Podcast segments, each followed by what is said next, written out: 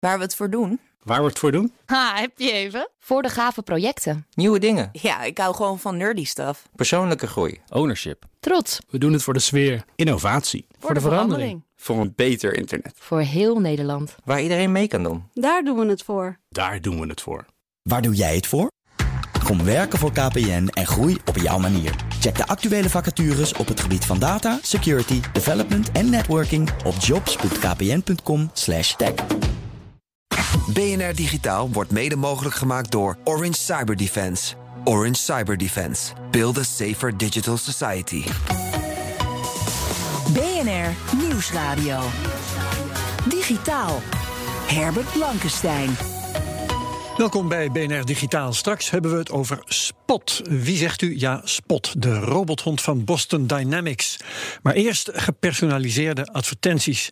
Die zijn een smet op het internet, vindt PvdA-europarlementariër Paul Tang. Dat zei hij onlangs tegen NRC. Tang wil dat techbedrijven als Google en Facebook niet zomaar allerlei persoonlijke data kunnen verzamelen. Hij diende in het Europese parlement een motie in om die advertenties te verbieden. En die motie is aangenomen. Paul Tang, welkom bij BNR. Dankjewel. Wat is het uh, probleem precies dat je wilt aanpakken? Nou, het probleem wat ik het liefst wil aanpakken is de situatie dat er bedrijven zijn die vanuit commerciële motieven, en de belangrijkste voorbeelden zijn natuurlijk Google en Facebook, die uit commerciële motieven eigenlijk van alles van ons willen weten. Zoveel mogelijk van ons willen weten.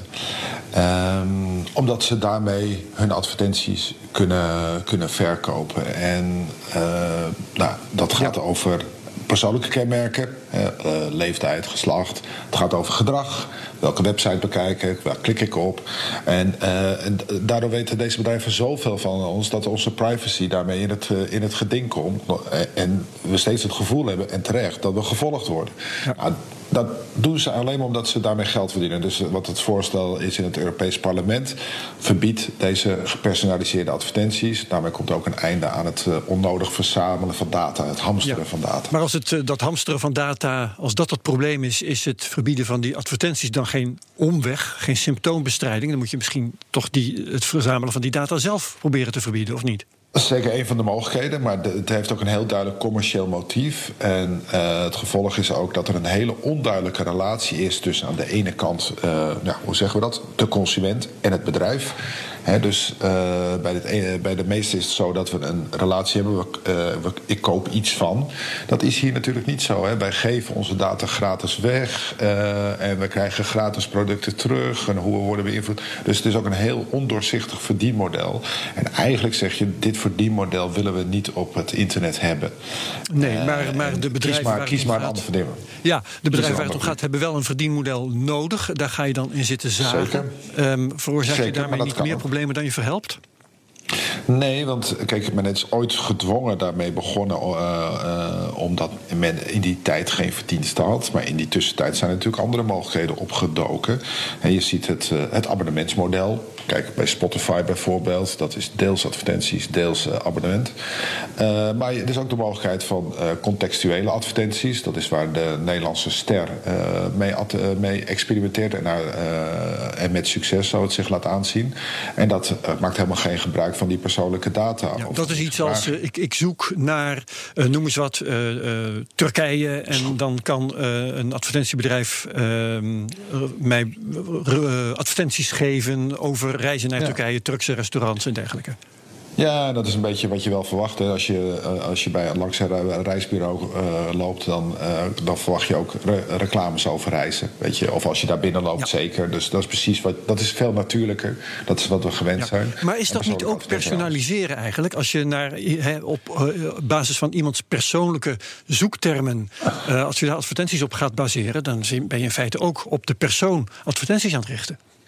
Nou, ik denk dat je het volgens mij meer doet over de, de feitelijke. Uh, dus een beetje, je loopt het reisbureau binnen. Ja, dan verwacht je dan de aanbiedingen te zien van uh, nu in de aanbieding uh, zonvakantie naar Turkije. En dat is, dat, is, dat, is wel logisch. En daar zijn mensen ook wel op voorbereid. Waar het hier over gaat, is dat je die advertenties krijgt aangeboden. Omdat men weet dat je eh, twee, twee kinderen hebt eh, enzovoort. Dat is, dat is toch echt een ander verhaal Ja, ja, ja. Dan, eh, dan iets waar, waar, je, waar je toch wel naar op zoek Dan gaat het, eh, wat jij probeert te bestrijden, is niet alleen maar die ene zoekterm van dat moment, maar ook al het andere Ja. wat een bedrijf over je weet. Toch hè? Eh, je formuleert het eigenlijk als een privacyprobleem. We hebben sinds eh, vrij kort een, eh, een eh, AVG, een wet eh, betreffende privacy. Werkt die niet goed genoeg of zo? Eh, ik denk inderdaad dat daar nog het nodig te doen is. Hè. We hebben deze week ook de uitspraak gehad eh, van het, eh eh, Bundeskartellamt. Dat is in het gelijk gesteld. De, de mededingingsautoriteit van Duitsland. Waarbij eh, die heeft gezegd... data van Facebook, WhatsApp en Instagram... mogen niet bij elkaar worden gebracht. Want daar moet er ja, expliciet toestemming voor worden gegeven. Dus je ziet dat er een heel gevecht is om te bepalen... van wie zijn die data en hoe krijg je zeggenschap daarover. En dat gevecht is nog lang niet, eh, nog lang niet gewonnen. Ja. Eh, dus ik denk dat je veel meer manieren nodig hebt om, om die strijd te winnen. En, en de- voor mij is dit een van de manieren. Nogmaals, dit verdienmodel dat, eh, dat bevalt helemaal niet. Want het leidt er ook toe. Niet alleen, het gaat niet alleen over privacy. Eh, al die commerciële motieven tellen ook weer op dat eh, men gaat selecteren op bepaalde kenmerken in het aanbod van producten. Dus eh, bij TikTok, mooi voorbeeld in het NRC eh, vorig jaar, laat men, laat men de video's van. Dikke eh, gehandicapte mensen laat, laat men achterwege. Want dat verkoopt niet. Weet je, dat, is, dat is de wereld waarin we zijn beland. Alles is gericht maar op, op de verkoop. Dus dat moet je ook willen doorbreken. Ja, En nou heb je het is- over video's. eh, Dat had ik net ook als voorbeeld genoteerd. Ehm, omdat eh, een voorbeeld van het gebruik van persoonlijke data... dat is dat je bij YouTube en Netflix video's aanbevolen krijgt. De meeste mensen stellen dat heel erg op prijs. Vaak zijn mensen een beetje sceptisch over gepersonaliseerde advertenties... maar dit vinden mensen toch vaak wel heel fijn. Ehm, wordt dat dan niet ook onmogelijk als bedrijven die data niet meer mogen verzamelen en gebruiken? Nou, het zegt, het, want we krijgen die, dat aanbod krijgen zowel van YouTube als van Netflix. Eh, en ik vind dat Netflix nog steeds beter kan hoor. Maar, eh, eh, maar het is wel iets waarvoor ik dan betaal. Waarvoor ik, een dienst, ik vind het helemaal niet ik vind het prima. Kijk, een van de dingen die ik heel graag zou willen, die er niet is. Eh, kijk welke kleren ik heb en welke nieuwe kleren daarbij passen. Dat zou ik best vinden, vinden. Dus je mag best mijn persoonlijke data hebben over eh, de kleren die ik heb gekocht. Eh, en pas daar de, zoek daar passende nieuwe kleren bij. Het zou mij enorm veel winkelen schelen, zou ik blij mee zijn. Het is een dienst waarvoor ik dan ga betalen. Ik lever mijn persoonlijke data, maar ik krijg er ook wat voor terug, namelijk een aanbod wat bij mij past. Het moet een hele directe transactie zijn tussen de consument en het bedrijf. En dat ontbreekt. Ja, ehm, toch als je dit eh, de gemiddelde consument eh, voorlegt, dan zal die. Nou ja, gepersonaliseerde advertenties. daar, ja, zeg ja. het maar. Nee, ik denk dat mensen echt. eh, er, zijn, er zijn genoeg mensen die houden er helemaal niet van om gevolgd te worden.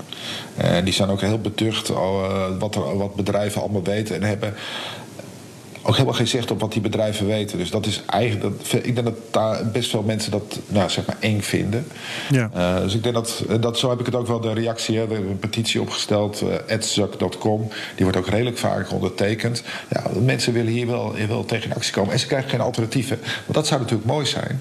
Als, je, als, als Facebook zou zeggen. Weet je, je kunt ook zonder advertenties. Maar dan moet hij ons eh 10 euro per maand betalen. Ja. Maar helaas, dat doet Facebook nou net niet. Nee, toch is het altijd als een eh, verworvenheid van het digitale tijdperk gepresenteerd. Dat je niet meer advertenties te zien kreeg, hè, wat we van de sterreclame kennen, die duidelijk voor jouw persoon helemaal nergens op sloegen. Nou, de voorbeelden, ik hoef ze niet, eh, niet eh, op Ja. te sommen. Eh, dat krijgen we dan weer terug, toch?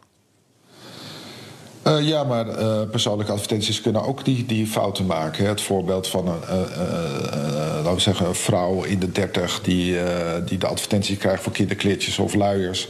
terwijl ze op dat moment moeite heeft om, om kinderen te krijgen. Dat gebeurt natuurlijk ook.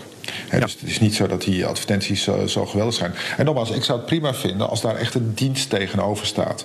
Eh, dus dat je, eh, joh, ik wil eh, ge- ge- geraadpleegd worden over welke kleren, welke films. Weet je, uitstekend. Maar dan moeten we, eh, wil ik daar graag gewoon voor betalen.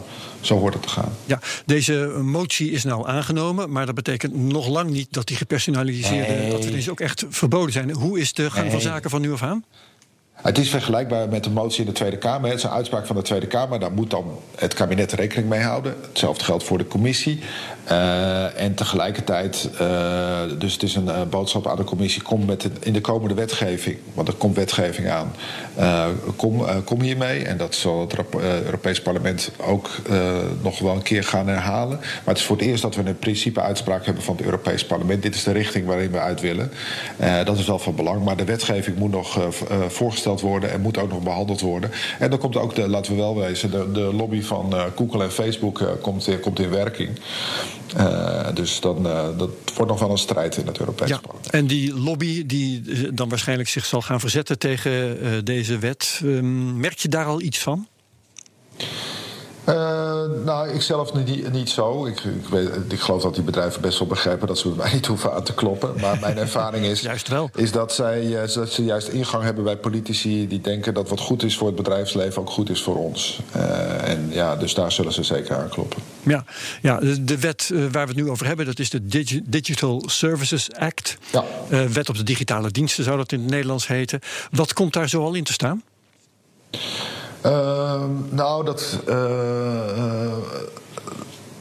dat gaat over veel. Uh, het gaat om, ik hoop dus dit onderdeel heel nadrukkelijk in te, te brengen, het verdienmodel. Ja. Het gaat ook over hoe gaan we om met uh, hate speech. Uh, het is altijd lastig tussen hate speech en free speech. Is altijd lastig om die, om die lijn te trekken. dus dat wordt een van de moeilijke discussies. Landen doen het nu op heel veel verschillende manieren kunnen we komen tot een wat meer uh, uh, tot, een, tot een vergelijkbare manier in, uh, in verschillende landen.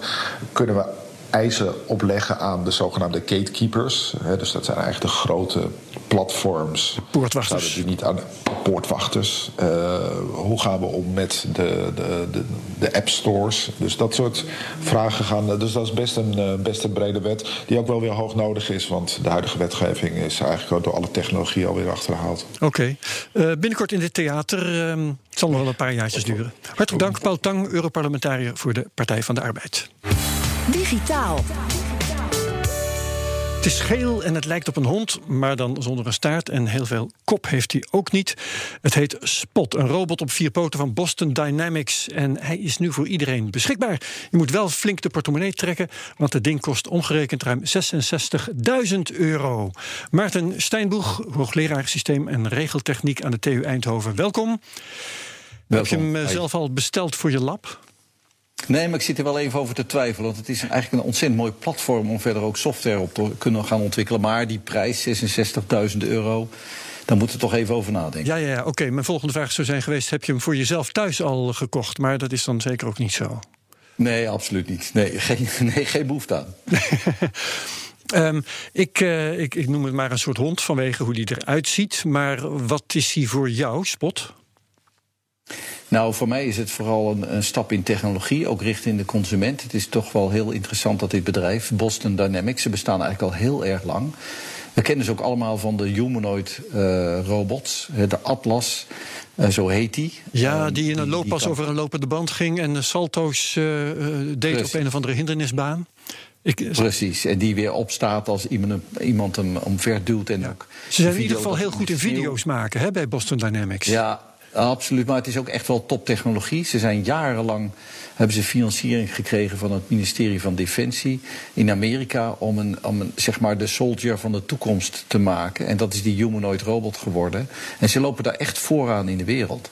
Ja, um, die spot, hè, uh, laten we het over specificaties hebben. Wat, uh, hoe zit die in elkaar? Wat kan die? Nou, hij heeft eigenlijk vier poten en een lijf. Hij is denk ik zo'n 50 centimeter hoog of zo, 40 centimeter en wat hij vooral kan, is in op oneffen terrein zich heel erg goed voortbewegen. Dus alle vier de poten zitten motoren en uh, meetsensoren in waarmee hij kan uh, voelen of hij op oneffen terrein staat. En hij heeft een camera en meerdere sensoren. En daarmee kan hij dus ja, over ongelijk terrein uh, met zijn camera in zijn kop lopen. En hij, hij, heeft ook nog een grijpertje, die, die kan je dan op termijn erbij kopen, waarmee hij ook spulletjes kan meenemen. Oh, dat is een accessoire. Um, ja. Ik, ik uh, las ook iets over um, het vermijden van obstakels, obstacle avoidance in het Engels. Um, dat zelfs uh, verborgen zou zitten in elke poot apart. Dus elke poot apart kan uh, voorkomen dat hij ergens tegenaan botst. Dat is wel mooi, hè? Nou ja, precies. Dat soort technieken, daar zijn ze natuurlijk ontzettend goed in. Ze hebben dat heel erg veel getest. Misschien weet je nog wel die video van eh, Cheetah. Dat was hun allereerste hond. Die was een stuk groter. Ehm, die ook zelf kon opstaan als je er tegenaan uh, schopte. Maar je kan je voorstellen als je een, een robot maakt die helemaal autonoom moet functioneren. En als er dan een poot tegen een, tegen een steen trapt of, of een trap op moet lopen. en die poot, die ene poot ziet niet dat er een traptreden is. ja, dan, dan, dan dondert het ding natuurlijk gelijk om en dat Ja, werkt niet. Dat heet struikelen. Dus, dus Boston Dynamics heeft op basis van al zijn jarenlange ervaring nu een, een product gemaakt. wat vorig jaar in eerste instantie eh, werd verkocht aan, in binnen Amerika voor bedrijven. Bijvoorbeeld voor, voor het eh, bewaken van bedrijventerreinen. Maar sinds kort bieden ze hem in ieder geval voor Amerika en later dit jaar ook voor Europa. en De rest van de wereld bieden ze hem aan ook voor, ja, voor anderen, voor universiteiten en voor particulieren. Mensen die, die het leuk vinden om zo'n beest buiten in de tuin te hebben. Om, eh, om voor beveiligingsaspect of zo eh, zoiets te. Maar goed, nogmaals, de prijs is wel erg hoog. Ja. Maar het is, het is de eerste robot ter wereld, bij mijn weten, die, die echt commercieel te krijgen is. Die, die een platform is. Dus dat vind ik wel interessant. Je krijgt een soort ont- ontwikkelaarskit bij voor software om je eigen software eh, te schrijven voor die robot. En het is, het is het begin van een hele ontwikkeling waarbij we veel vaker ja, robotica-systemen om ons heen zullen zien. Voor, voor hulp in de zorg of voor. Ja. ehm, ja, voor, voor, Search and rescue is meestal, wordt meestal ook genoemd. Hè? Dat eh, nou ja, onder moeilijke omstandigheden Ja. ergens eh, Ja, iets of iemand ophaalt. Waarom ehm, komt Boston Dynamics nu met deze stap dat ze hem nu te koop aanbieden?